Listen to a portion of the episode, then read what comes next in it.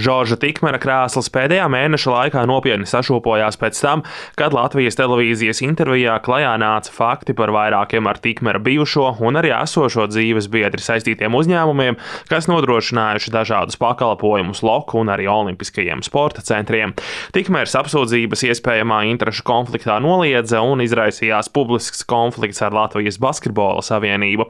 26. maijā plānota Loka ģenerālās asamblejas ārkārtas sesija, kuras dienas kārtībā iekļauts jautājums par prezidenta un ģenerālsekretāra atsaukšanu, jeb neusticības balsojums. Olimpiskās komitejas ģenerālsekretārs Kārlis Lēnieks Latvijas radio norādīja, ka atkāpties no amata viņš pagaidām negrasās un viņš gaidīs biedru verdiktu 26. maijā. Pirmkārt, es neuzskatu un, un šobrīd arī neredzu iemeslu, kas būtu attiecināms manā darbā, lai es uh, pieņemtu kaut kāds lēmums par atkāpšanos. Tā kā gatavošanas 26. māju labprāt dzirdēšu biedru argumentus un attiecīgi nu, būs balsojums. Mums asambleja notiks, jautājumi ir sagatavoti, tā kā nu, tas arī attiecās ļoti konkrēti uz mani. Latvijas Olimpiskās komitejas juridiskā departamenta vadītājs Raitis Keselis paskaidroja, ka šobrīd par loku vadītāju faktiski kļūs lēnieks, savukārt jautājums par neusticības balsojumu lēniekam 26. maijā joprojām būs aktuāls. Ņemot vērā to, ka Latvijas Olimpiskajā komitejā ir divi valdes locekļi, prezidents un ģenerālsekretārs, kuriem abiem diviem statūtos ir noteikts tiesības pārstāvēt organizāciju atsevišķi no funkcionālā un administratīvā viedokļa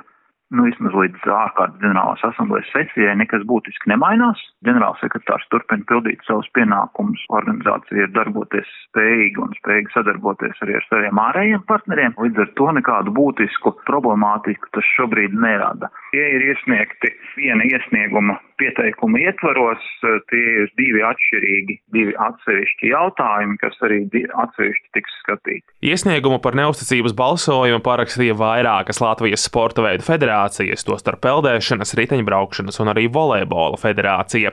Latvijas volejbola federācijas ģenerālsekretārs Arnis Tunte domā, ka sporta nozarē nepieciešams jauns līderis, kurš spēs pārstāvēt visu nozari. Sportam vienmēr būs iekšējā cīņa, un viņi nekad neizslēgs, jo mēs esam dažādi ar federācijām, ar dažādām vēlmēm un dažādām ambīcijām. Bet, kā es to saku, kad vienmēr ir, ka mēs esam kā ģimene. Nu, māsa ar brāli varam izplēsties iekšā mājā, bet pagalmā nedod Dievs, kāds aizrādīs kādam savējam, nu, kas ir, teiksim, valstiskā sektorā vai publiskajā, nu, kad visiem jānostājās vienam pa otru, tajā brīdī ar mums rēķināsies. Es ļoti ceru, ka šis pagrieziena punkts būs, kad mēs esam, teiksim, daudz komentējuši ar visiem biedriem un kaut kā tās kopējās attiecības un kopējā temperatūra būs stipri labāka. Darbs Latvijas Olimpiskajā komitejā līdz nākamajai piekdienai turpināsies kā ierasts. Savukārt 28. maijā plānotā ģenerālās asamblejas ārkārtas sesija var nest jaunus pavērsienus.